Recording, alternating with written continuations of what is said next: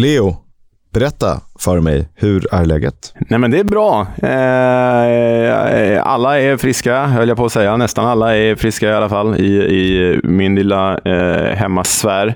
Eh, det sjuka nyårsafton är inte längre en sjuk vardag, utan det är en frisk vardag. Man önskar kanske att man hade kunnat byta däremellan, men så är det. det vi, mår, vi mår relativt bra. Hur mår ni? Eh, familjen är frisk, skolan är igång igen, vilket betyder att som alla eh, föräldrar kommer till jobbet säger åh vad skönt, äntligen semester um, så att jag är väl en av dem eh, till viss del. Eh, det är roligt också att jobba såklart och spela in podd med dig naturligtvis. Eh, vad som är ännu roligare är att åka till England och kolla fotboll så vi kan ta med oss upplevelser att prata om. Och Det är så att vi tillsammans med Nickes.com under en tid har tittat på en resa. Tyvärr blev det inte Blackburn Wigan som vi hade tänkt. Den flyttades till en måndag. Men till vår fördel så ser det ut som att vi åker och kollar Rotherham mot Sheffield United. Ett eh, Yorkshire-derby och ingenting annat. Ja. det är tid det är tidig avspark på den ju. Ja, det är tidig avspark på den och det är ju faktiskt riktigt derby, i alla fall i hemmapublikens ögon, Rotherhams ögon. Ett svenskmöte, Viktor Johansson mot Anel Ahmedhodzic. Och eh, jag tyckte det var väldigt jobbigt, måste jag erkänna, när den här Blackburn-matchen som vi hade planerat in för resa, det är om tre veckor alltså det här Kiss. Det är om, om eller fyra veckor kanske det är. Det är den första helgen i februari, fjärde februari. Men jag tyckte det var jobbigt när Blackburn-matchen flyttades till en måndag, för jag var så inställd på Blackburn. Och nu måste jag i och för sig säga det här, för att, för att vi byter resmål, men, men jag menar det genuint. Men nu när det har landat att vi ska till stålstaden Sheffield istället, så är jag mer nöjd med det. För det här innebär att vi kommer se derbyt och svenskmötet Rotherham, eh, Sheffield United. Och sen ska vi i ilfart ta oss till, eh, från Rotherham till Sheffield och Hillsborough för att se Sheffield Wednesday mot eh, Plymouth på samma dag alltså. Eh, det känns eh, kanon tycker jag. Om de inte kör någon sån löjlig VM-stopptid eh, så hinner vi förmodligen mellan arenorna. Eh, kanske inte att se klart hela. Förhoppningsvis är derbyt avgjort innan.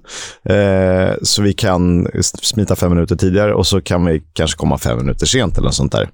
Man hinner ju mer än man tror. Ja, men två matcher i stålstan. Det är ett och, och... supertoppmöte, Sheffield Wednesday mot Plymouth också. Ja, ja, ja. Det är ju, de kämpar om, det är väl tvåan mot trean i League One. De kämpar ju om eh, direkt uppflyttning båda två. Eller är det ettan mot tvåan? Ettan mot, ettan mot tvåan är det till och med. Just det, det är Ipswich som har trillat ner till tredje pinnen där. Ettan mot tvåan är det. Nej, men det blir ju förstås svin, svin kul. Och sen eh, utöver det så ska vi göra poddgrejer på plats. Vi ska spela in podd inför alla kära resenärer som följer med och så ska vi ju anordna något slags quiz. Och så ska vi förstås gå på en pubrunda eller två. Så följ gärna med oss. Ni hittar mer information på våra sociala medier, på Twitter och Facebook och Instagram. Vad heter vi? EFL-podden heter vi väl, va? Kisk? Eh, EFL-podden är lättast, eller Football's coming home. Eh, och Sen ska vi träffa Victor Johansson också, förhoppningsvis. Eh, han eh, träffas gärna och vi hoppas att det går att sy ihop. Precis, så häng med!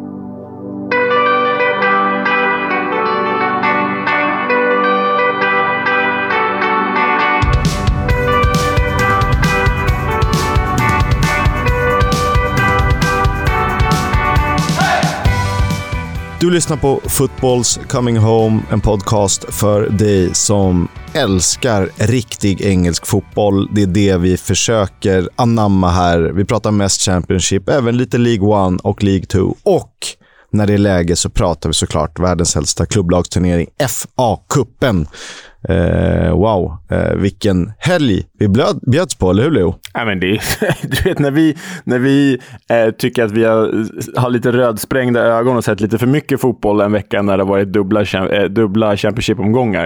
Eh, det är ju ingenting jämfört med en sån här tidig fa Cup-omgång. För helskotta vad jag har varit mycket fotboll, Kisk. Jag, vet inte, jag sett så mycket fotboll och highlights och grejer så jag vet inte vad som är vad längre. Men det, det har varit kul, det har det förstås varit. Jag gick runt med en eh, mobil i handen hela tiden som sände någon form av fotbollsmatch från de brittiska öarna. Ja, det, var, det är mycket att beta av, så kan vi säga. Vi, vi kan väl dock också erkänna att vi inte kommer beta av alla fa Cup-matcher i det här, utan vi har ju eh, siktet inställt på de matcher med Championship-lag eh, som eh, ena kombatanten i alla fall. Annars hade det blivit liksom ett tre timmars avsnitt och jag tror, även om det är så jättekul att prata om något eh, gammalt eh, Wooking eller något eh, brödgäng, så tror jag ni förstår oss ändå. Det hade blivit... Det hade blivit ett uh, When We Were Kings FA-cupen omgång 3 special. omgång 3 2023 också. ja, exakt. Eh, men vi börjar på lördagen klockan 13.30. Den första matchen skulle ha spelats mellan Forest Green Rovers och Birmingham. Den blev postponed, så den lämnar vi därhän. Istället så spelades det ju match upp i Lancashire mellan Preston North End och Huddersfield. Mm, ett rakt Championship-möte eh, där Preston North End eh, vann eh, tämligen bekvämt, i alla fall sett till siffrorna. De vände ju ett 0-1-underläge till 3-1-seger. Eh, och eh, det var ju faktiskt så mycket som det fjärde mötet mellan de här lagen den här säsongen. Två i ligan och en i eh, IFL Cup och nu i FA-cupen. Så de möter varandra hela tiden. Ja, de börjar ju eh, kunna varandra. Eh, det som var intressant här att matchens första mål gjordes av Huddersfield, gjordes av nyförvärvet och journeymannen får vi ändå kalla honom. Eh, Florian Camberi, eller Camberi kanske. Vad säger vi? om en, han är väl schweizare, va? Ja, det beror ju på var någonstans i, i Schweiz han kommer ifrån, men jag tror att han har Albanska eh, albanskt ursprung. Precis, exakt. Så då, då, då, eh, det uttalet, jag reserverar mig för att säga någonting där. Tror jag. Ja, det kan jag inte. Han har ju tidigare faktiskt, han är inte jättegammal, men har spelat i Hibs, Rangers, St. Gallen, Aberdeen, Sheffield Wednesday, Winterthur och nu är han alltså i Huddersfield och eh, gjorde mål redan efter 12 minuter på planen. Mm, och han byttes in i paus alltså. Så det här känns ju som ett eh, välkommet nyförvärv för Huddersfield, för de har ju haft problem med sitt målskytte, eh, to say the least. Men det gick ju snabbt ut för Som jag sa så eh, vände ju Preston North End på det här snabbt. De hamnade i underläge bara 16 minuter efter sitt ledningsmål. Släppte in både 1-1 och 2-1 på, på 16 minuter alltså. Och det innebär att Preston North End är vidare och de får möta celebert motstånd, Kisk. Mm. The Mighty Spurs. jag vet inte om de är så mighty längre, bara förhandla med katariska eh, blodspengar. Tänkte säga. Inte riktigt blodspengar, men ja. Ja, äh, vi fattar. Pengar jag inte vill ha i, i mina fotbollsmiljöer. Eh, Exakt. Och ännu mer, eh, det har vi glömt att, att prata om väl. Eh, vi blev ju omnämnda inte vid namn, men vid Leo Jägerskiöld Welander, Offside-vännens podcast. Lite snålt ändå från, um, från Offside-killarna. Ja, du, du här kastar du ämnen. Ja, nej, men det var ju kul att vi blev, apropå ingenting, omnämnda i senaste Offside-podcasten. Jag tycker ändå att de hade... Um, det, det, är ju nämligen så, för lite bakgrund, att uh, Johan Orenius har precis varit i, i England och åter han är ju en anglofil. Han har återfunnit sin kärlek för den engelska fotbollen genom att göra ett reportage i Luton. Och då kom de in på den här podden, vilket ju förstås var kul. Eh, och hade väl en, en, tycker vi, ganska rimlig spaning att eh, fler och fler kommer att tröttna på Premier League och börja söka sig neråt till den riktiga engelska fotbollen. Som vi har gjort. Ja, alltså Premier League behöver nog inte vara oroliga, för det kommer komma miljoners, miljarders tittare.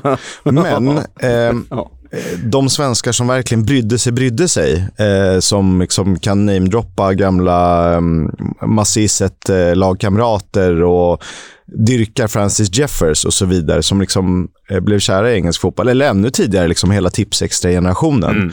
Eh, de är ju redan på vår nivå, även om de kanske inte har hittat podden än eller ens lyssnar på poddar.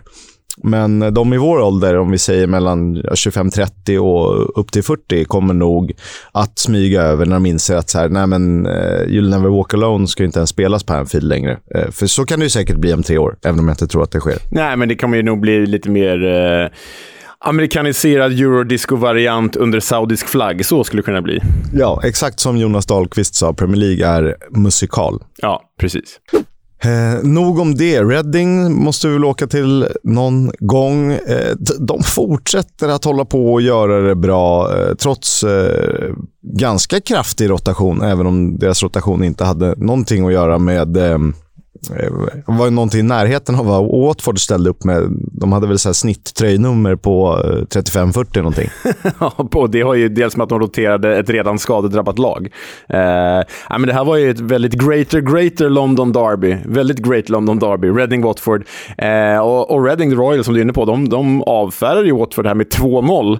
Och Shane Long fick göra mål. Det gillar man ju när Jag han älskar Shane Long. Det är liksom en av mina eh, favoritanfallare i den Premier League Championship-eran. Och Jag liksom drömde om honom som andra fiol i Tottenham, men jag fick aldrig det. Nej, nej men det är en, en, en, en riktig klassiker. Så det är kul. Han, han satte ju spiken i kistan i 93 minuten här och innan dess hade ju alltså Kelvin Abreffa eh, satt 1-0 på stopptid i den första halvleken. Och han är då alltså så mycket som en Italienfödd ghanansk U20-landslagsman. Eh, högerback med sitt första seniormål i karriären. Och liksom bara profilen här italienskfödd ghanansk U20-landslagsman. Fasen vad det är football manager. Det är en sån suspekta värvningar man hamnar när man ska leta något gratis köp. Ja, men, ja verkligen. Men det, det låter ju verkligen som en Watford-spelare mer än en Reading-spelare. ja, det, gör, det låter faktiskt som det. Ja. Kelvin Abrifa. Ja, det är verkligen en Watford-spelare. Men här gör han alltså mål mot Watford för Reading. Eh... Har du sett målet eller?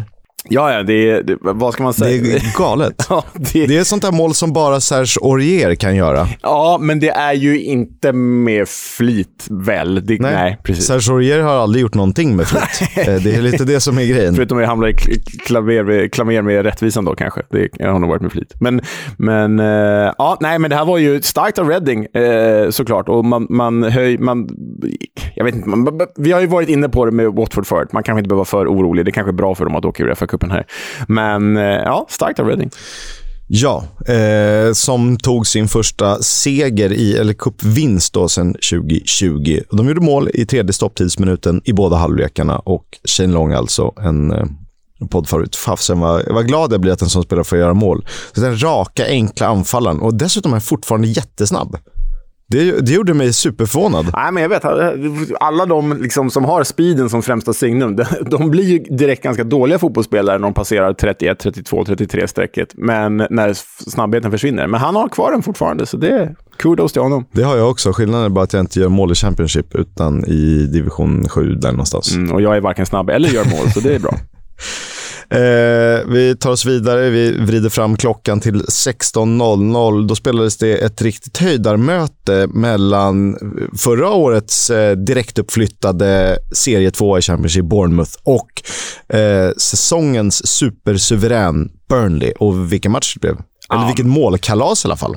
Ja, men herregud, vilken... Vilk, alltså, Burnley är så jäkla bra just nu. Visst, Bournemouth, ja, är, är, alltså, Bournemouth är ju inte i bästa slag, det ska vi väl säga, och har bytt ägare och hela den skiten. Men de är men fortfarande ett Premier League-lag. Premier League-lag ställer upp med ett, ett, ett, eh, många ordinarie pjäser här, får man ju säga. Och visst, visst att Bournemouth gör två, men Burnley gör ju fyra. Burnley åker alltså till eh, Silverino Sands, Not Pompey, but Bournemouth Stadium eh, och, och vinner med 4-2. Äh, Dean det... Court är väl eh, icke-sponsornamnet, va? Vita ja, Vitality precis. Stadium någon gång i tiden. Exakt, exakt så. Nej, men eh, eh fyra mål borta mot Bournemouth, borta mot Premier League-laget. Manuel Benson 2, Anas Saruri 2. Alltså det där de visar ju här, de är ju typ redo för Premier League. Alltså, på ja, riktigt. men de... Eh, ursäkta att jag men de är så jävla bra de där två. Ja, Nej, Burnley är, är, Jag vet att jag eh, inte trodde på min förra säsongen. Jag har fått äta upp det många gånger nu. Jag fortsätter äta upp det. Det här är ju sanslöst. Alltså, man har blott två förluster på de 27 senaste matcherna och det mot tuffast möjliga motstånd. Borta mot Sheffield United i ligan, borta mot Manchester United i ligacupen. Ja, det är... Ja, hatten av Burnley. Eh, det är faktiskt hatten av, verkligen. Eh, vet du vad som är hatten av? Det är Anna Saruri-ramsan. Den är varken särskilt nyskapande, eh, för att den har körts med Maxi Rodriguez. Jag vet att eh, den har körts med Filip Hellqvist på stadion. Und so weiter. Men eh, här är den i alla fall.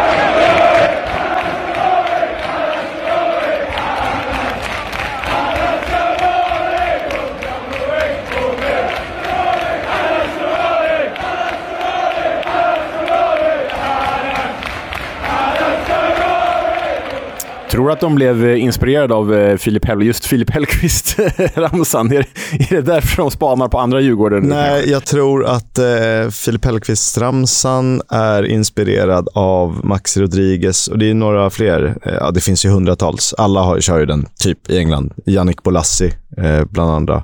Ja. Härlig är den, ja, det, oavsett. Den är superhärlig och eh, trallvänlig. Eh, den här matchen var ju hyfsat jämnt i statistiken, men resultatet var ändå rättvist sett till eh, riktigt farliga chanser. Och vi kan väl notera att Josh Brownhill som fortsätter att vara en av eh, nivåns eh, kanske bästa på sin position. Gjorde dubbla assist här. Ja, och jag tycker väl att han har liksom visat nu när han har fått ett mer offensivt ansvar i ett klart mer offensivt lag än vad Sean Dyche Burnley var, så har han hittat rätt. Det är klart en annan nivå än under Sean Dyches tid, men här är det ändå mot Premier League-motståndare på bortaplan. Han har mått bra av att få liksom kliva lite längre, högre upp i banan, helt klart. Verkligen imponerande Burnley vidare alltså är de. Eh, Blackpool, Nottingham slutade 4-1. Vilken jäkla käftsmäll eh, där uppe på, i, på kusten. Ja, det, det är Blackpool som liksom inte har vunnit. Man har inte vunnit på nio matcher i Championship, va? Längsta sviten utan seger den här säsongen. Och så vinner de med 4-1 mot ett förvisso genomuselt Premier League-lag, men ändå ett Premier League-lag. Eh, det är ju otroligt. Och, och, och, Jerry Yates i mål igen, hans första mål sen ja, jag vet inte, sen Bibeln skrevs kanske. Men, men, eh, ja, men slutet av oktober var väl senast här. Ja, just det. Ja, Bibeln är lite äldre än så. Eh, men också härliga profiler som är mål här. Marvin Ekpiteta, försvarsresen, Ian Poveda som vi ju verkligen gillar. Eh, mm, mm. Och sen gör ju faktiskt Jerry Yates namne Ryan Yates, som vi minns mycket väl från förra säsongen, mål för Nottingham Forest. Så ah, eh, ytterst imponerande av Appletons Blackpool. Sen ska man säga att det är inte ett av de här målen där bollen inte studsar eh, Blackpools väg. Det är när, här, när, du, när du vaknar på fel sida och sen ska du spela en Fifa-turnering på kvällen och sen är det bara, du vet, inget funkar. Och man blir bara argare och surare. Och det går fler kontroller i väggar för att ingenting funkar. Och det är du vet, strumprullar och det studsar på knän. Exakt så var det ju här. Så att, eh, det var inte så att de körde över Nottingham mer än till ja, att de råkade precis. träffa Men. Det, det är väl, eh, kanske säger mer om vilken negativ svit Nottingham Forest är inne i. Även om de klarade väl kryss mot Chelsea häromveckan i och för sig. Men, men jämfört, med, jämfört med Blackpool. Men sen landar vi här, och jag kommer ihåg att vi diskuterade det här förra säsongen också, men är det här nödvändigt för Blackpool? Alltså, behöver de verkligen ytterligare matcher att tänka på? Eller kan det här skälpa dem framöver? Eller som du, som du, de invändningar du brukar ha, kan det här tända laget? Är det bra eller dåligt för Blackpool det här? Det undrar man ju. Det är jättesvårt att säga. Naturligtvis är det bra att vinna matcher. Och så här, turneringen ska ju ändå spelas, vare sig man vill eller inte. Eh, jag gillar ju FA-cupen, men jag förstår ju också i dagens väldigt fotbollsstinna, eller pengastinna fotbollsvärld att eh, man kan inte lägga kraft överallt, särskilt när man inte har världens bredaste trupp. Å andra sidan, en match till här och där borde de orka. Nu vann de ju. Det är bättre det än att få ett omspel. Ah, ja, gud, ja. Eh, och lite osäkerhet och bortaplan och ny resa. Och, så att... Eh, jag tror att det kan tända Blackpool. Jag har ju eh, sagt att en, en, en viss värvning kan vara räddningen för dem, men det ska vi återkomma lite till. Tror jag. Mm. Och de möter alltså Southampton borta i nästa omgång. Kul fight. Eh, kustderby. långt som fasen emellan. Ja, verkligen. Eh, det är inte ett kustderby när Chesterfield möter West Bromwich Albion, även om Chesterfield eh, ligger väl ganska fint där uppe i, nordöst, va? Eh, jag skulle på rak arm säga att Chesterfield ligger ganska nära Sheffield, men det, det, det kanske är fel. Jag tror att eh, Chesterfield ligger... Eh, ja, det kanske det gör. Vad, vad tänker jag på för någonting då? Jag tänker på något annat. Det ligger i Derbyshire. Derbyshire. Ja. Men ja, East Midlands. Där, där de ligger i alla fall, kanske inte geografiskt, men tabellmässigt, är ju att Chesterfield, som då mötte West Bromwich Albion den här eh, fa Cup-omgången, de ligger i National League, alltså tre divisioner under the Championship. Och ändå var de bara minuter från att slå ut West Brom. 3-3 blev det ju. Det var Brandon Thomas Asante som både öppnade målskyttet och stängde butiken. Han gav West Brom ledningen och kvitterade sen till 3-3 93. Det Carlan Grant fick speltid, gjorde väl 1 plus 1 va? Ja, det gjorde han. Hans första mål sedan den 30 augusti. Eh, alltså, det här är ju en bra anfallare, det vet vi ju. Annars hade du aldrig tippat honom som, som skytteligavinnare den här säsongen i The Championship. Det kommer han ju inte göra, men ge honom speltid bredvid en annan anfallare som här, så kommer han ju att leverera. Det, det vet vi. Jag tänker att, så här, att eh, någonstans vill man nog ha Daryl Dikes kanske som första valet. Och Problemet är att så som det verkar så vill man ha en hyfsat... Man behöver inte ha en så rörlig, snabb Carlan Grant-typ anfallare. Utan kan ha mer eh, Dike eller Thomas Asante som kanske är lite mer eh, kung över sitt område. Mm. Men eh, det är perfekt att ha om man behöver flytta upp och spela med två anfallare. Eller eh, sista 30 varje match. Älskar att slänga in någon som bara springer och är lite sådär eh, dum i sin press vinner bollar, eh, löper sig fri. Ja, men verkligen. Jag tycker att han är... Egentligen skulle han väl må, såklart må bäst av att flytta till en klubb lite längre ner i Championship-hierarkin och, och, få, speltid, eh, få speltid hela tiden, för så bra är han ju. Men vi får se hur, var han hamnar eller om han blir kvar under våren. Men du, lyssnar på det här, Kisk. West Brom hade alltså under Corberan inte släppt in ett spelmål på 15 timmar. Och nu släppte de in tre mot Chesterville från National League. Men, vet du vad skillnaden är? Jo, jag vet. Jag vet vad du ska säga. Mm. Alex Palmer stod inte i mål, utan det var David Button, stackaren, som har blivit någon hackkyckling. Han är, han är den här säsongens Joe Lumley. Ja, ja, ja. Han, till och med värre än Joe Lumley själv. Ja, herregud. Årets, årets Joe Lumley-utmärkelse går till David Button. Du, det här blir ett, ju förstås omspel mellan West Brom och The Spirites nästa vecka. Ja, och vet du varför de kallas som de gör? Ja, alltså det har väl med... De har ju, deras klubbmärke, för, som är ganska fult, föreställer ju spiran på deras katedral. Ja, som jag exakt. Förstått. Den väldigt trasiga spiran, typ. Den är så sned och vriden. Ja, men är, är den sned eller är den designad eh, så? För att den, det är ju... Nej, den har väl blivit så med åren va? Jag tror att den är mer liksom försjunken och trasig, liklutande tornet i Pisa, än, än vad den är designad så. Liksom. Men det här kan man läsa mer om eh, om man gillar både klubbmärken och historia. Dock inte min bok, jag har inte skrivit om Chesterfield tyvärr. Men det finns andra böcker på ämnet. Hysteriskt ful logga och den andas ju så mycket MLS det kan bli. Det känns ju som den bara är man har snott bokstäverna från något NFL eller MLB-lag och sen har man gjort någon ja. delfinsvans. I, jag vet att det inte heter det, men eh, och sen bara Ja, den är jätteful, verkligen. Ja, den är, den är faktiskt riktigt dålig. Man, jag gillar ju symboliken, att det faktiskt föreställer något från den lokala katedralen, men det är fult gjort. Ja, verkligen. Anställ en designer. Eh, Fleetwood QPR hade jag rakt tvåa på mitt stryktips. Eh, det slutade i 2-1. Ja, det slutade 2-1 när eh, Fleetwood eh, ja, vände ett Sam Field-underläge. Sam Field gav ju Queens Park Rangers eh, ledningen eh, borta mot Fleetwood, men uppe i Lancashire så kunde hemmalaget vända genom två hörnmål från Toton och Promise Omochere. Eh, känns som två nigerianska VM-spelare, bara på rak arm, men det är det nu inte. Däremot har väl Fleetwood eh, lånat in ehm är väl en Luton-duo, va? Både Admiral Musque och Carlos Mendes Gomez. Ja, som vi hade som eh, i Remember the Name, ett av de första Remember the Name förra säsongen, Carlos Mendes Gomez.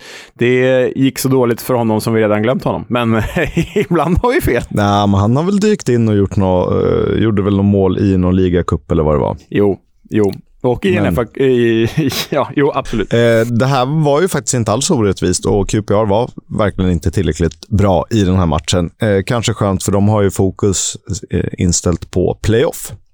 Ja, och nu väntar ett League One-möte för Fleetwood i nästa omgång mot Sheffield Wednesday. Hull Fulham, trots att det är dina favoritlag eh, i Championship respektive Premier League, har du skrivit väldigt lite om. Och jag med. Ja, nej, men det, det var för att det faktiskt inte fanns, ja, det fanns inte så mycket att säga här. Hall roterade. De roterade sig bort från sin chans mot ett roterat Fulham. Man ska säga att Fulham körde ju med pjäser som Livin Kosava och Daniel James och så, vilka för övrigt båda gjorde mål den här matchen. Det blev ju 2-0 till Fulham eh, borta mot Hall. Men det var...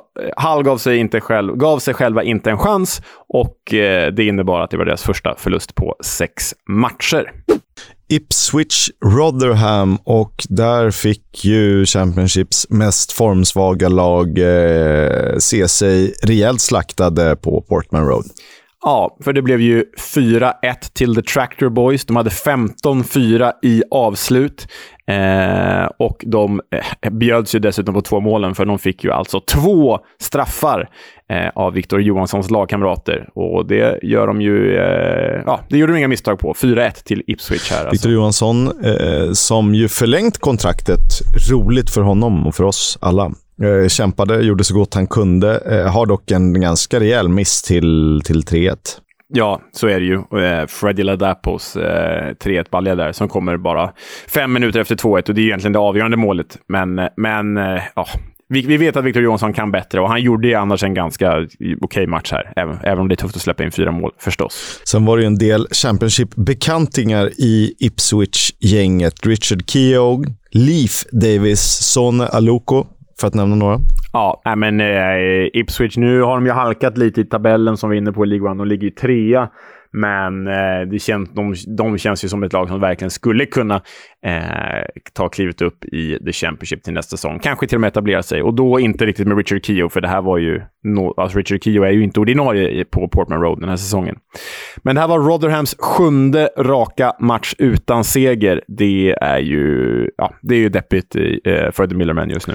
Det är det. Eh, det vet vi också. Ipswich alltså i fjärde rundan. Första gången på 13 år. Väldigt roligt för dem och de ställs mot Burnley. Så tuffast möjliga på den här nivån i alla fall. Verkligen.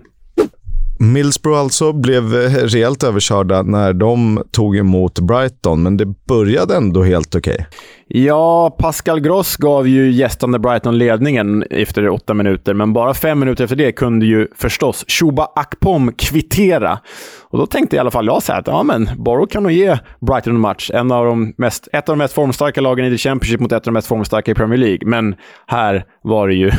här såg man skillnaden på The Championship och Premier League, för Brighton är ohyggligt bra just nu. De har alltså 19 avslut i den här matchen mot Middlesbroughs 5. 68% i bollinnehav mot Middlesbroughs 32. Eh, nej, men det blev ju... Alltså, Brighton vann ju med 5-1 här, så det är en, en, en rejäl överkörning. Nybliven världsmästare i McAllister, som är så härlig. Eh, tvåmålsskytt här, så det är klart det är nivåskillnad för ett eh, Brighton som nästan går bättre under De Serbi och eh, Chelsea går sämre med Potter. Så att, eh, ja du. Mm. Men det är en annan ja, podd. Ja, det är, det, är en, det är en annan podd. Det som var positivt för Borough är förstås Akpom. Han har också gjort 10 mål på 11 matcher under Carrick. Eh, minns att han då hade gjort 12 mål på typ 108 innan Carrick. Så det, det, snart har han tangerat den, den siffran. Eh, lite negativt, eh, det är kanske inte riktigt symptomatiskt för den här matchen, men negativt för Carrick under hela den här perioden är att de har inte hållit nollan på sju matcher och bara en enda gång under Carrick på 11. Så eh, defensiven måste ju stärkas. Ja, men de vinner ju matcher i ligan och eh, det är det han är anställd för att lösa. Så är det. Jag såg eh, delar av matchen mellan Millwall och Sheffield United. Eh, det mycket handlade om, om Daniel Jebison, eh, som ju är född i Kanada, fostrad i det här ANB Football. Eh, numera nedlagd semiprofessionell klubb slash akademi i Ontario. Dock engelsk U20-landslagsman. Lustigt. Han är ju lite Rian Brewster light, eh, fast är han kanske till och med lite bättre. Ja, alltså Rian Brewster har inte riktigt blivit den man trodde att han skulle bli, medan Jebbison känns som att han fortfarande kan bli den, Rian Brewster, den som Rian Brewster aldrig blev. Skulle ha blivit. Ja. Ja, exakt så. Eh, tappar bort mig själv där. Men, men, ja, nej, men han är ju, han är ju eh, en, en, en, en spännande figur. Det kan vi, det kan vi vara överens om. Eh, och Sheffield United, ah, jag tycker de visar klass här. Alltså att åka till den och vinna på ett sånt eh, Sheffield Uniteds maner det, det är starkt. Ja, eh, för Jebison nämnde han gjorde 1-0 och det firade han genom att hyscha det den. Och jag vet inte vad han har emot Millwall eller det den. Det kanske är någonting eh, som i alla fall jag har missat. Men eh, när Jaden Bogle eh, 13 minuter senare utökade till eh, sedermera slutresultatet 2-0 så sprang Jebison runt och hyschade publiken igen. Så jag vet inte vad hans grej är där. Jag tycker, det, jag tycker det finns något jävligt härligt i att ah, om jag ska hyscha någon publik så gör jag det borta på The Den. Det är, liksom, det är, att be om problem. Det är liksom den sista platsen man skulle våga göra det på själv i England. Men äh, han kör den. Ja, det är bara det är härligt. Mer, mer sådana eh, knäppjökar, det ska vi ha, såklart. Ja. Eh, för övrigt, McAtee och NDI är framspelare. Och vi kommer ju faktiskt prata mer om McAtee i det här avsnittet, för han kommer ju dyka upp senare under rubriken Remember the Name. Och det ser jag fram emot, för den har du skrivit ihop. Mm, mm. Det ska bli roligt. Uh, Sheffield United vidare alltså 2-0 borta mot Millwall. Shrewsbury Sunderland, eh, det höll ju faktiskt på att bli en hemmaseger. En, en jätteskräll, eller någorlunda stor skräll i alla fall. Eh, men vilken sanslös vändning. Alltså, Shrewsbury måste bara nämna deras arena. De spelar alltså på Montgomery Waters Meadow. Oh, vilket namn. Alltså. vad är, vad, det, är, det är en sån här PES 5-namn på en engelsk arena. det är otroligt. Eh, för att placera Shrewsbury i, i ligasystemet så ligger de alltså i League One. Eh, har jag haft lite problem där eh, de senaste säsongerna. Men, men eh, de tar ju ledningen här då mot Sunderland med tio minuter kvar genom den gamla Everton-produkten Matthew Pennington, som var en av alla de här Everton-killarna som eh, eh, de satsade på för ett par år sedan. Och det, det gick ju sådär. Nu spelar han alltså i Shrewsbury. Men han gav ju Shrewsbury ledningen med tio minuter kvar. Och i 92 minuten står alltså 1-0 till Shrewsbury. Men Enter Loch Ness Drogba. 1-1 Ross Stewart. Och eh, de hade ju mer i sig. Eh, de gjorde mål i 94 minuten också. Ja, genom Luke O'Nine, denna ytterst grisiga försvarare slash mittfältare. Han är en sån jäkla gris. Men alltså 1-1 92, eh, 2-1 94 till Sunderland och bara för att fastna lite på Ross Stewart så har han alltså gjort mål i sex raka matcher nu. Sju mål på de sex senaste. Och vet du vad jag kan avslöja? Att hans The Loch Ness Drogba, som tillsammans med The Bermans i Bergkamp är eh, liksom toppsmeknamn. Jag har ett eh, som är på väg att slå det i det här avsnittet, så stay tuned. Oj, oj, oj, oj. Men du, eh, jag brukar ibland tänka på livet och fastna i lite mer så filosofiska grejer. Eh, när jag såg att du, eh, för vi skrev lite varannan matchrapporter här, men jag såg ju alla mål, eh, så tänkte jag på Matthew Pennington. Eh, det är på något sätt är det väldigt fint och sorgset. Alltså man får lite eh, avundsjukskänslor eh, när man läser att han eh, gör det bra i Shrewsbury. Samtidigt får man lite ångest. När, han var ju för inte alls länge sedan, vi pratar typ max 5-6 år sedan, ändå en jättetalang i ett hyfsat stort Premier League-lag. Ett av liksom, ja men eh, pratar vi fotbollsvarumärken nästan topp 20 i Europa. Och sen eh, blir det lite fel och så kanske det byts någon tränare så hamnar de i en så loop av utlåningar som man aldrig riktigt kommer ifrån. Och sen dyker mm. de upp i en liten ort på vischan och spelar i ja, lokala gänget. Är väl Shrewsbury drar väl ändå hyfsat med folk och sådär. Men förstår du, eh, jag vet inte, det är både fint och sorgset på samma sätt. Han, han ska ju inte vara där. Han ska ju ändå göra det helt okej okay i något menlöst Premier League-lag på plats 14. Ja, ja, nej, men jag förstår vad du säger. Det är, så här, det är fint att det finns räddningsplankor i engelska seriesystemet, att det är så stort och så djupt att så här, ja, du kan ändå ha en helt okej okay karriär i League 1 eller League 2 i Shrewsbury eller Oldham eller var det nu är någonstans. Men det finns så många sådana här supertalanger som, som du är inne på, som inte blir stjärnor i Everton, utan som blir, ja men, hyfsade gubbar i just Shrewsbury. Jag tänker direkt på Jose Baxter, om du kommer ihåg honom. Han ja, ja, absolut. Vi, gjorde inte vi, du och jag, ett rep om honom eh, tillsammans när vi jobbade med Premier League-studion? Jo, jo ja. det hade jag glömt bort. för dig. Jo, jo, det stämmer nog faktiskt, i, i, när vi jobbade på Viasat en gång i tiden. Jo, det stämmer nog. Jag tittar just på Jose Baxters karriär här nu. Liksom. Han skulle ju bli Everton, han skulle bli ny Wayne Rooney, typ, fast lite mer tillbakadragen i banan. Och som bäst blev det liksom 90 matcher i Sheffield United när de var i League One. Och så spelade han i Oldham och senast i Memphis 901. American Professional Soccer Team based in Memphis, Tennessee. Ja. Nej, eh, men och det är också så här, eh, det är samma med Jose Baxter eh, som Pennington. Han har ju ändå spelat i Everton. Det är inte så här, han kommer bli svinbra om två år. Vänta bara, han ska bara lånas ut och sen är han klar. Eh, så att det är lite, och samtidigt så här, hade någon sagt hej du får spela Shrewsbury, jag hade gjort det gratis för ja, att jag är den jag är och tycker det är så roligt att spela fotboll och England och allt det där. Men frågan är om Matthew Pennington hade gjort det när han kom upp i Everton. Det, det är antagligen Nej. inte. Nej, det är det precis. som eh, ambivalensen kring det. Exakt. Sunderland som går vidare kommer i alla fall möta mitt kära Fulham. Eh, och eh, det pratade jag mycket med eh, min kollega här på TV4, Tobias Karlsson om, vår gamla kollega på Viasat. För han är ju stor Sunderland-supporter. Och eh, vi kanske ska med honom i ett avsnitt, Kisk. Han är ju antagligen den svensk som åker och ser Sunderland flest gånger varje år. Eh, det skulle kunna vara roligt. Han är ju superhärlig. Vi eh, redaktörade, eller han producerade och jag redaktörade, hjälpte honom lite med eh, magasinet You'll Never Watch Alone, som ju gick i typ sex eller åtta delar på Viasat eh, på ett eller annat sätt med lite härliga experter. Det var ganska Mm. bra. Ja, men han ska vi nog ha med, för det, han är ju i Sunderland ofta. Och ruggig på att kommentera hockey också, så att, eh, Ja, toppkille. Verkligen. 18.30 avsparkarna ska vi såklart prata om också och eh, kanske den största skrällen, åtminstone den största skrällen eh, som vi kommer att nämna var ju Coventry 3, Rexham 4. Ja, eh, riktig jäkla giant killing. Wrexham, alltså tre divisioner under Coventry, eh, vann ju denna ytterst målrika tillställning. Trots att Coventry hade 22-9 i avslut samt bollinnehav. Ändå kunde Wrexham då göra ett mål mer än Coventry. Och de hade ju faktiskt gjort fyra mål redan efter 58 spelade minuter. Eh, Coventry roterade ganska grovt ändå. Eh, Gyökeres, Gustavo Hammer hoppade in.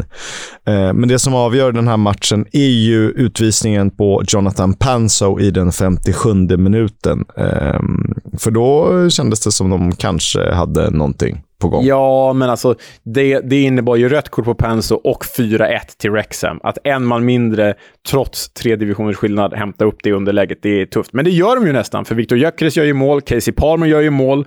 Eh, så nära upphämtningen då, men inte riktigt hela vägen. Och eh, Coventry fortsätter ju att inte vinna. De har väl bara vunnit en match sen, sen eh, VM tog slut och inte vunnit på fyra raka.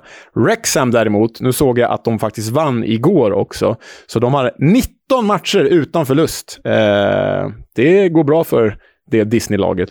Ja, och jag är lite tudelad kring... Ehm, för till en början var, tyckte jag det var lite roligt. Eh, men eh, det är såklart att det finns någon slags baktanke med dokumentären. Det är inte så här berätta om livet i, i, i Storbritannien, utan det finns nog en tanke. Och så har de TikTok som sponsor, vilket inte faller mig i smaken. Nej, men så här. Det är ju ett, det är ju ett projekt där de vill tjäna pengar. Det är såklart att de vill tjäna pengar på Rexham, fast på ett annat sätt än liksom en Premier League-miljardär. Utan de vill ju tjäna pengar på den här serien, såklart. Sen kan jag tycka att serien är ganska rolig. Eh, eh, vi har ju eh, tyvärr inga samarbete med dem, men jag tycker att ser, serien är rolig. Framförallt är ju eh, ägarna väldigt roliga. Eh, och hittills så verkar ju faktiskt Rexham-supportrarna väldigt nöjda med det här. Och det får man väl eh, eh tycka är bra. Det är ju inte liksom en saudisk diktator som har tagit över. Sen undrar man ju var det här kommer ta vägen. Var kommer det sluta? För någon gång kommer väl de att tröttna på Wrexham. Och var hamnar klubben då? F- någonstans? Först måste de upp i systemet, alltså i IFL, eh, så det händer någonting på allvar. Det ju, måste vara målet, för det är där pengarna liksom går att eh, rulla igång. Exakt. Eh, det här var första gången eh, som Wrexham tog sig till fjärde rundan, kanske inte så förvånande, sen 2000 faktiskt, så eh, 23 år. Mm. Ja, du ser, det händer något även med Disney. Eh, Luton tog emot Wigan. Det slutade oavgjort i Championship-mötet. Ja, Harry Cornick mål för The Hatters. Tom Naylor mål för Wigan. Tom Naylor gav gästerna ledningen. Eh, det var ju fördelat ganska jämnt chansmässigt, men bollinnehavet, Kisk, 71-29 i Lutons favör. Ja, eh, det är till och med högt för att vara Luton, känns det som. Eh, kanske inte så lågt för att vara Wigan, givet formen de är i. Och eh, Touré har det väldigt tufft. Om det är för att han inte har någon aning om vad han gör eller för att han bara var tvungen att ta över ett sjunkande skepp. Det låter jag vara osagt just nu, men eh, de, han har fortfarande inte vunnit som manager för Wigan. Eh, och det är ju väl inne på liksom fem, sex matcher nu. va? Eh, de hade ju dock en boll inne eh, utöver Tom Naylors mål. Det dömdes bort. Så det blir omspel där vinnaren möter klassiska Grimsby. Mm. Roligt för dem. Eh, söndagen då, eh, lite av ett favoritmöte i egenskap av att det här är lag vi tror på på ett eller annat sätt, men som alltid gör oss besvikna. fågelderby. Dessutom, li- det, det, absolut, det är ett eh, Lee Ja. Trundle-derby. Vi får aldrig glömma Lee Trundle. Eh, eh, och det var ju dessutom inte två favoriter, men det, man kunde tro att den här matchen var, var hämtad ur säsongen 2021-22. Mm, för det var, vi har inte ens nämnt lagen än, men det är Bristol City mot Swansea vi pratar om. Eh, och det var ju Antoine Semenyo och Joel Pirou som gjorde mål och det andas ju väldigt mycket förra säsongen. Mer förra säsongen än den här. Eh, men utöver det var det chansfattigt vad jag förstår och eh, eh, ganska trist tillställning. Och kanske typ ett bottenrekord för Swansea, för de hade bara 56 procent i bollinnehav. Förvånansvärt eh, eh, eh, lågt. Eh, de hade ganska bra lag båda två. Eh, sen var det ju togs det ganska många dåliga beslut av spelare och en rad svaga domslut. Och Det var lite så här, ja, men om jag släpper den här och så blir det bara värre och värre. Eh, som en liten Jacques Tati-parodi på en domarinsats. ja, men, ja, lite så. Och så ska det sägas att det var en eh, tavla av eh, den gode Steven Benda i Swansea-målet på Antoine Semenyos kvittering. Ja, jättetavla. Pirou Joel till namnet, eh, fyra mål på de fem senaste matcherna. Kul att han har hittat formen. Tre raka kryss för The Robins. Eh, fem raka utan seger. Ah, jag tror att de skulle behöva göra sig av med Nigel Pearson och det är nu. Eh, medan det ändå är, liksom är hyfsat bra så att det inte blir superkris och han ska börja hyscha och peka finger åt folk. Eh, för det har han ju i sig, det vet vi. ja, det har han verkligen i sig. Det vore i och för sig kul, då har vi något att prata om igen kring Bristol City, mer, mer att det går puttrigt dåligt. Eh, vad heter han, vår vän? Andy Weimann eh, spelade ju fram. Kul att han får göra lite poäng. Det har vi saknat den här säsongen. Verkligen. Ytterligare ett eh, omspel eh, väntar i och med att Cardiff och Leeds kryssade. Men det såg ju eh, ut som att Cardiff skulle kunna lösa det här. Ja, men det känns så jäkla mycket Cardiff den här säsongen på något sätt. Förutom alltså, det, det, jag ska komma till känns Cardiff, det dåliga i det här. För de har inte varit så bra. Men det som var bra var att de faktiskt ledde med 2-0 mot ett Premier League-lag.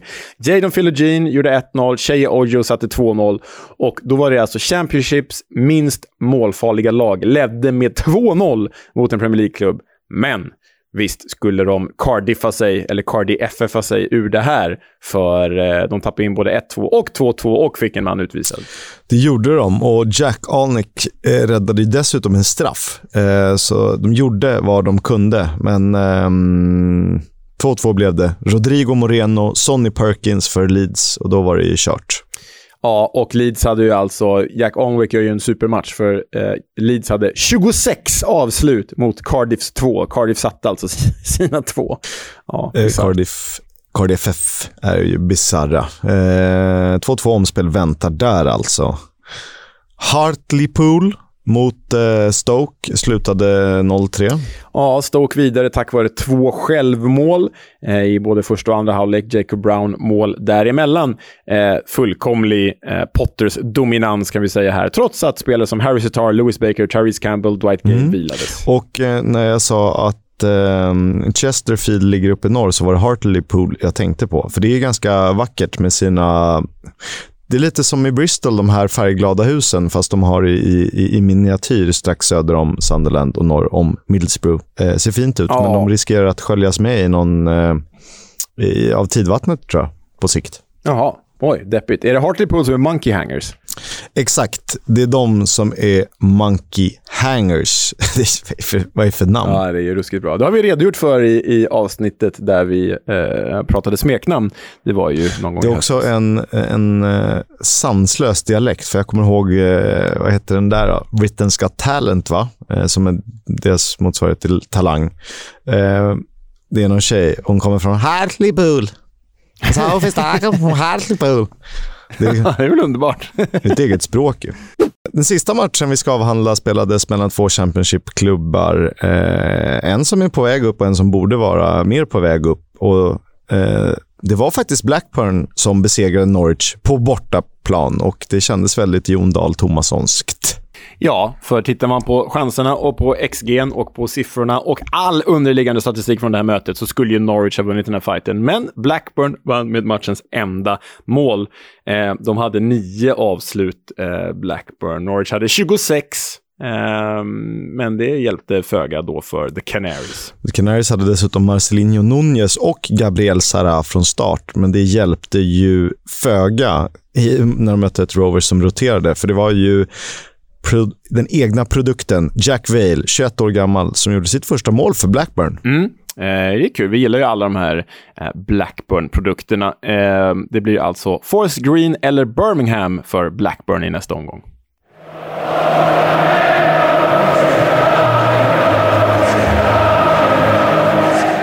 Footballs Coming Home sponsras av Stryktipset, ett spel från Svenska Spel, Sport och Casino för dig över 18 år. Stödlinjen.se.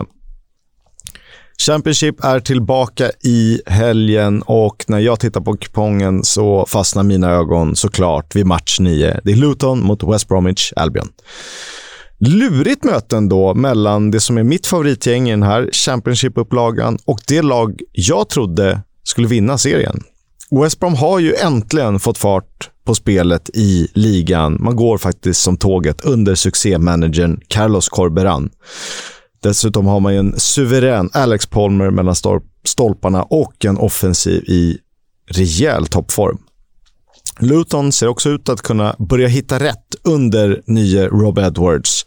Och eh, jag skulle ju vilja gardera den här matchen med ett kryss på kupongen oavsett vilken sida man vill utgå ifrån. Just nu, eh, innan eh, jag sett alla streckprocent och spelvärden och odds, så kanske luta lite åt Luton. Det är läge för en skräll. Leo, vad ser du fram emot? Um, jag känner ju lite ambivalens över att alla matcher spelas på lördagen, men det är vad det är när det har varit en fa Cup-omgång innan. Men rent sportsligt ser jag väl mest fram emot Millwall mot Middlesbrough. Um, det är ju eh, härligt att se Millwalls eh, offensiva kvartett ledd av Sian Fleming eh, ta emot ett Borough i, i alla fall sett till ligaspelet, flygande form. Men jag är kanske än mer intresserad av Preston North End mot Norwich och det för att David Wagner, Norwich nya tränare, eh, äntrar Championship-scenen igen. Han plockade ju upp Huddersfield för ett par år sedan. Så ja, ska se om Norwich har valt rätt manager där eller inte. Sen väntar ju omspelet redan nästa vecka. Eh, så det är lite veckomgång för oss nästa. På silly season-fronten så kan det bli ytterligare en svensk i Championship, för det rapporterades i veckan att Hjalmar Ekdal kan vara på väg till Burnley från Djurgården alltså. Ja, eh, det vore ju väldigt roligt med ytterligare svenskt inslag och känns som ett bra steg för vår ganska färska landslagsman. Jag menar, man kommer till en klubb som med största garanti kommer att spela Premier League och han kommer kunna slösas in i det där på ett bra sätt. Uppenbarligen. Kompani verkar ju ha bra koll på vad han gör. Men frågetecken finns ju för om Ekdal ens kan få passera Brexit-reglerna. För han har spelat för få landskamper och eh, allsvenskan har ju för låg ranking, så han kanske inte ens får värvas av Burnley.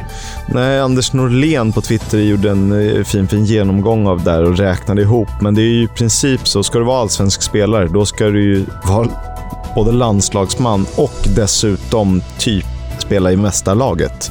Vilket är eh, inte så många som har gjort de senaste åren. Eh, så där är ju en utmaning. Och Dessutom ska du helst ha spelat i Europa. Jag vet inte vad matcherna i Conference League ger egentligen poängmässigt, men det verkar inte vara några våldsamma siffror. Så att, um, Ah. Sen tänker jag att det på något sätt måste gå att kringgå de reglerna. Om Burnley ändå är på gång och värvar honom. Tydligen ska det ha funnits intresse, har jag hört från annat håll, eh, ganska länge nu. Eh, från en Championship-klubb som ju då är Burnley. Mm. Ja, det är ju faktiskt så att Hjalmars eh, brorsa, och inte Albin då, utan Joel, min gamla pluggkompis, han jobbar ju här i korridorerna på TV4. Jag kanske kan haffa honom och få lite extra information efter det här eh, avsnittet. Ja, jag har firat midsommar med eh, den gode Hjalmar, så jag brukar säga att det var jag som lärde honom att spela fotboll också. Vidare i nyhetsväg så har Norwich tackat nej till Championship-bud på Todd Cantwell som dessutom jagas av Mick Beals Rangers. På tal om bekräftade övergångar. Reda Kadra lämnar Sheffield United, lånas istället ut till Birmingham. Wiggen har presenterat den gamle klassikern Steven Coker, eh, mittback med förflutet i både Spurs och Liverpool och QPR. Haft eh, diverse problem genom åren, men nu gjort sig en fin karriär i Turkiet. Kommer senast från Fatih Karagümrük. De har ju eh, senaste, vi ska inte fastna vid dem, men haft en, en rad intressanta spelare. De hade väl Emiliano Viviano i mål bland annat. Det var ju någon säsong de hade en riktig så här All-star elva. Det har de fortfarande. De är ju Turkiets Reading. Bara massa sådana FM-gubbar. Vad som är härligt är att Blackpool har fått tillbaka sin Josh Bowler och jag tror, som jag skrev, att han kan vara skillnaden mellan degradering och säkrat kontrakt om han börjar hitta formen. För så pass bra är han i sin högsta nivå. Manchester Citys ytterback Josh Wilson Esbrand går till Coventry på lån för resten av säsongen. Aston Villa-spelaren Courtney House eh, avslutar lånet i, till Watford. Everton har återkallat Nathan Broadhead, anfallaren från Wigan, tufft för Wigan, för att sälja honom vidare till Ipswich. Det rapporteras om 1,5 miljoner pund. Cameron Archer är klar för eh, ett, en utlåning till Middlesbrough. Spännande namn. Kevin Long lämnar Burnley för Birmingham. Han har alltså varit i Burnley de 13 senaste säsongerna och gjort 69 matcher. Så det här är ingen supervärvning av Birmingham. det är ju sanslösa siffror. Herregud alltså. Det är ju som eh, alla de här gamla Chelsea-lånen som bara har fastnat i rullen. Ja, men grejen är Kevin Long, han har förvisso varit utlånad en del säsonger eh, från Burnley, men typ de ändå fyra senaste åren har han ändå varit i truppen och knappt gjort någon match. Så ah, nej, jag vet inte vad det där säger. Millwall och Benik Afobe eh, kom ju överens om att bryta kontraktet för att den senaste, den senare, har eh, valt att eh, gå till en annan klubb. Han ska nämligen spela i eh, Dubai i någon klubb som heter Hatta Club. Försvarsveteranen Sean Morrison eh, lämnar Cardiff och förstärker Victor Johanssons Rotherham. Aaron Connolly går till Hull från Brighton på lån.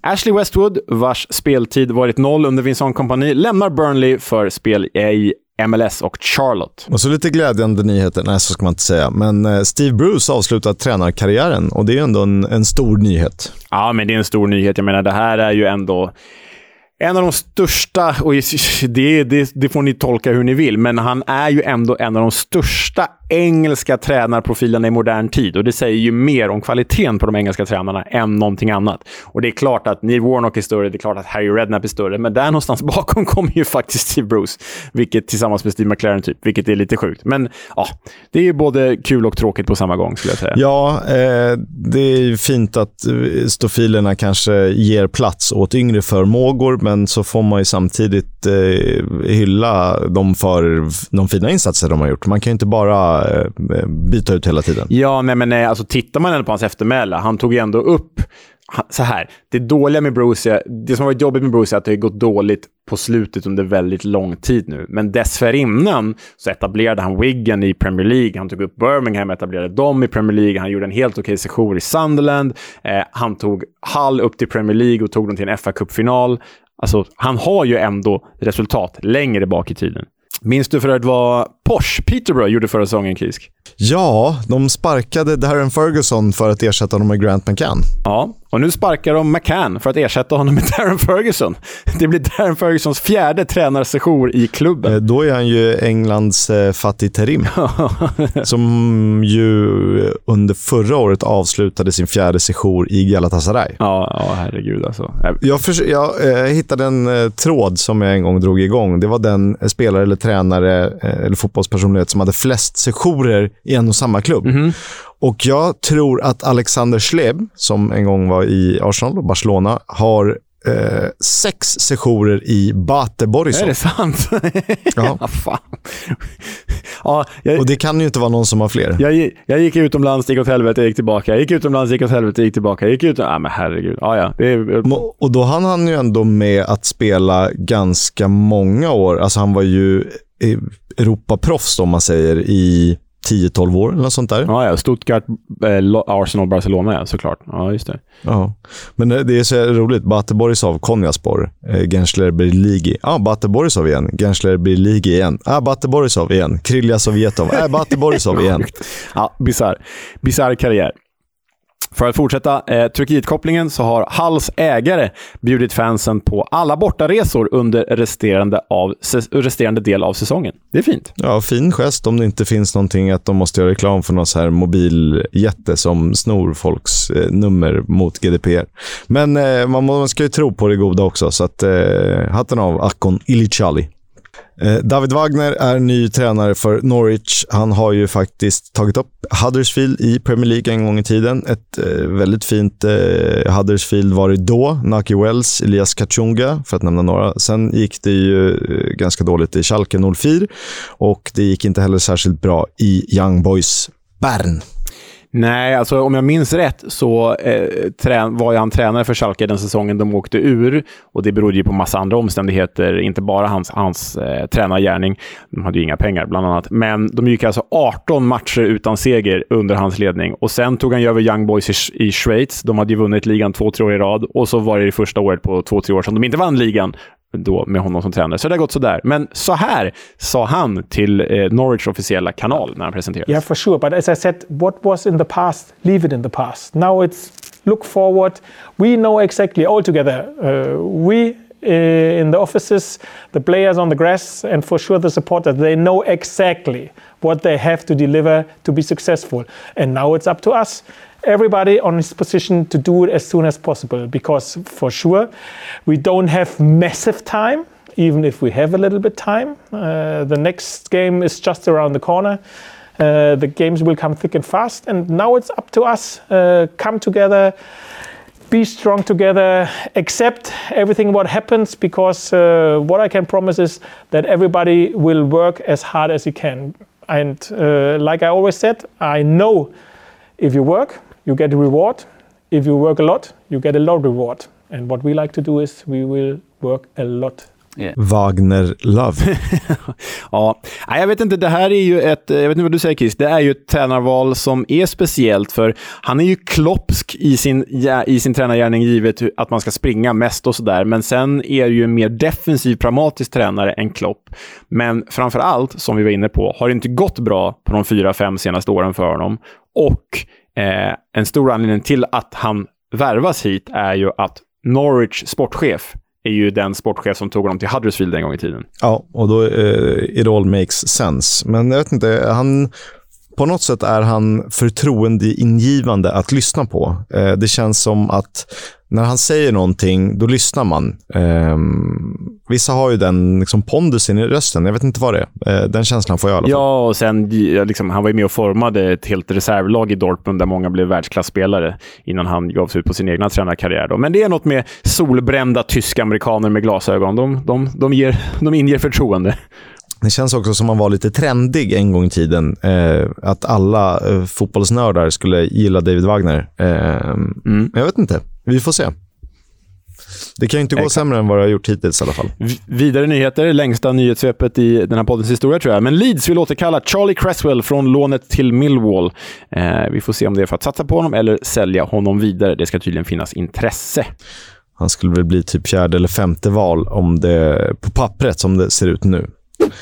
Kidosi och Bene kan vara på väg till Swansea eh, när prislappen sägs vara en miljon pund och det kan ju vara för att ersätta Michael Obafemi. Rory Delap, denna långkastande husgud, lämnar Stoke efter en rejäl rockad i personalen. Och enligt Daily Mail kan Kieron Browns gula kort mot Arsenal i FA-cupen vara en del av en spelfuskskandal då man ska ha sett ett misstänkt spelmönster kring Oxford där han spelar. Eh, vi får se vad som händer. fan vad trist. Du, eh, på tal om den matchen, vet du vad jag tar med mig från det mötet, Oxford mot Arsenal? Eh, berätta. Oxford bytte in en kille som, hette, eller som heter Gatlin i förnamn. Han hette Gatlin O'Toole, höll jag på att säga. Nej, men Gatlin O'Donkor. Jävla pangnamn för övrigt. Fem plus namn. Gatlin är alltså en kulspruta för er som inte är insatta i kulsprutor. Jag tänkte på han friidrottaren Justin Gatlin. Ja, just det. Vad sa du hette han? Hette han Odonkor? Mm, Aha, Gatlin Odonkor. Han heter inte som David Odonkor, utan O-Dunker. Ja, precis. Fan, det här är ett svinbra... Det här är lite roligt. När man beställer David Odonkor på Wish, då får man Gatlin Odonkor. Oh, Donkor. ja, verkligen. Ja, otroligt. Men eh, Kisk, nu har det blivit dags för uh, Remember the Name. Så take it away. Det sägs att James McAtee fick Pep Guardiola att fråga “Who's that?” under ett eh, relativt hemligt besök i Manchester redan 2016. Alltså innan han tagit över som manager i City. Då 13-årige McAtee, född, född och uppvuxen i Salford, imponerade så pass mycket på träningsplanen i akademin att Guardiola förstod att han är på riktigt. Och trots en hel del likheter med Phil Foden är det jämförelserna med en annan spelare tidigare i Manchester City som fått klubbar att lägga bud och just Man City att nobba dessa. Vi tar det från början. James och John McAtee tränade till en början med Manchester United. Men sedan storebror, John, den sistnämnda alltså, enligt klubben inte hållit måttet valde pappan att ta syskonen ur United och James snappades upp av lokalrivalen Man City som 11-åring. Förutom att skärma Pep som nybliven tonåring har han hunnit med en hel del annat. Och de tre senaste säsongerna har han producerat suveräna siffror i ungdomslaget. Säsongen 2021-22 blev det 22 plus 7 poäng på 25 matcher. Dessutom fick han chansen att A-lagsdebutera. I ligacupen mot Wickham och senare i Premier League mot Everton. Och till och med Gary Neville imponerades av inhoppet. James McAtee tillhör det som kallas Man City Elite Development Squad, alltså IDS. Det är ett eh, u lag som spelar i Premier League 2, alltså reservlagsserien, och Uefa Youth League. Och I samma trupp finns även till Championship utlånade Taylor Harwood Bellis, Burnley, Liam Delap, Stoke, Tommy Doyle, Blades, Louis Fiorini, Morgan Rogers i Blackpool, Luke Mbete i Huddersfield och Callum Doyle i Coventry. Så det är ju kvalitet. Vilket jävla gäng alltså. Herregud. Ja, och de kan ju snappa upp och utveckla. Det är ett som är säkert. I slutet av 2021 var det osäkert på om James McAtee skulle bli kvar i Citys organisation eller lämna, då bland annat Brighton visade stort intresse och erbjöd 8 miljoner pund. Men det var nej tack från Manchester City och ett par månader senare hade han förlängt kontraktet med klubben till och med 2026. Swivel hips from James McAtee. He takes the ball, drives across halfway, sprinting up to the edge of the penalty area. Brilliant! Brilliant goal from James McAtee. That is outstanding, and he celebrates the goal with a backward somersault in front of the Sheffield United fans. Under sommaren stod det klart att Sheffield United skulle låna in McAtee säsongen 2022-23 och han fick ganska omgående förtroende i Paul Heckingbottoms startelva. Men det var först i oktober som speltiden ökade och prestationerna således blev bättre och bättre. Mot Stoke kom den första målgivande passningen och i matchen efter, mot Blackpool, gjorde han sitt första mål för Blades. McAtee är ju bäst som offensiv mittfältare och ofta spelat som en av tre centrala figurer på mittfältet. Eh, och Det är väl lite olika. Han pendlar någonstans mellan att vara åtta eller tio om man ska använda den typen av numeriska eh, positionsförtydliganden. Jag skulle väl nog säga att kanske åtta gör honom mest rättvis, eller har gjort honom mest rättvisa i det här Sheffield. Men ibland vill de ju ha två sittande i Norwood och Berge och då får ju han ligga framför. Det har blivit två mål till hittills i ligaspelet. Mot Blackpool igen och mot Coventry vilket innebär att han har gjort totalt 4 poäng på 20 framträdanden. Dock snittar han ju stabila 0,4 poäng per 90 minuter, för han spelar väldigt sällan hela matcher. Bland Illiman Ndiayes, Joao Pedros, Benson Manuels, Anas Saroris, Ilias Shairs och Sian Flemings är det svårt att sticka ut som offensiv kreatör i Championship. Men James McAtee växer för varje match som går och han har tagit otroligt stora steg i, start, i serietvåan Sheffield United. Och nog kommer det finnas plats för, trumvirvel, The Salford Silva, om en bortom Eastlands. ja, den är bra. Det är löjligt är bra. bra. Den är bra. Eh, brorsan Eh, brorsan John för övrigt krigar på i Grimsby på lån från Luton. Så att det är inte helt omöjligt att eh, de hade varit två i eh, Championship. Men eh, The Salford Silva ser superfin ut när han liksom eh, låg tyngdpunkt bara flyter fram som en svävare med sin vänsterfot alltid redo. Ja, nej men alltså det, det avtryck han har satt den här hösten gör ju att man verkligen tror på honom i en City A-trupp eh, inom eh, något år faktiskt. Och liknelserna med Phil Foden är inte, inte eh, eller Silva för den delen, är inte långt ifrån. Ja, ja, det, det här har varit en revelation för mig eh, i brist på bättre svenska ord.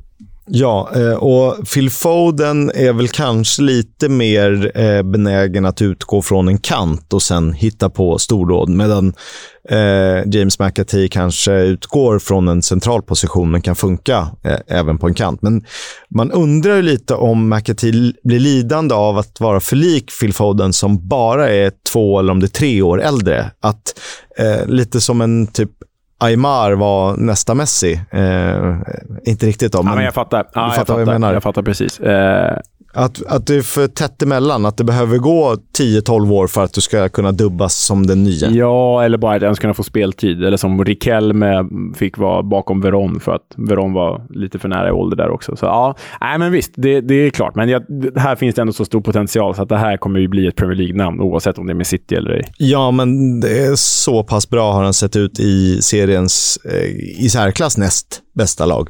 Så att, att han skulle kunna funka i ett lag på nivå Southampton, Everton råder inga tvivel om. Kanske inte precis just nu, men om inte en allt för lång framtid. Verkligen. We'll have a chat about the fucking game. About your game, last few months, last few weeks. Fucking character.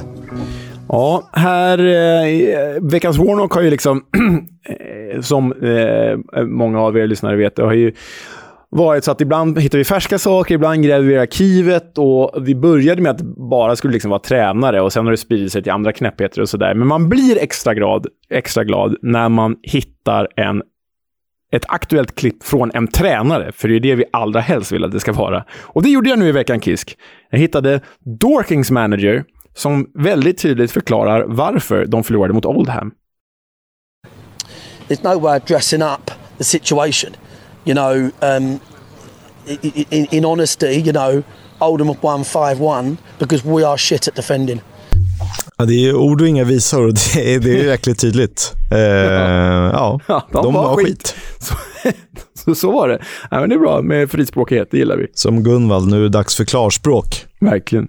Det var det. Vi återkommer om eh, resan, lite mer information. Eh, planen som den ligger, alltså Rotherham, Sheffield United till att börja med. En halvtimme senare ska vi hinna och se Sheffield Wednesday mot Plymouth, toppmöte i League One. kan bli en helt fantastisk dag i stålstaden med omnejd och eh, så hittar vi på lite annat roligt. Eh, träffa Victor Johansson, kanske gå på någon lokal eh, förmågematch i någon eh, vad heter det? Sunday League. Vi kanske dricker några pints på någon pub. Eh, den som lever får se. Och nästa vecka ska vi prata om Bristol Rovers, va? Mm, det, det ska du göra. Tillbaka med The Club, årets första. För all del. Adjö. Hej, hej!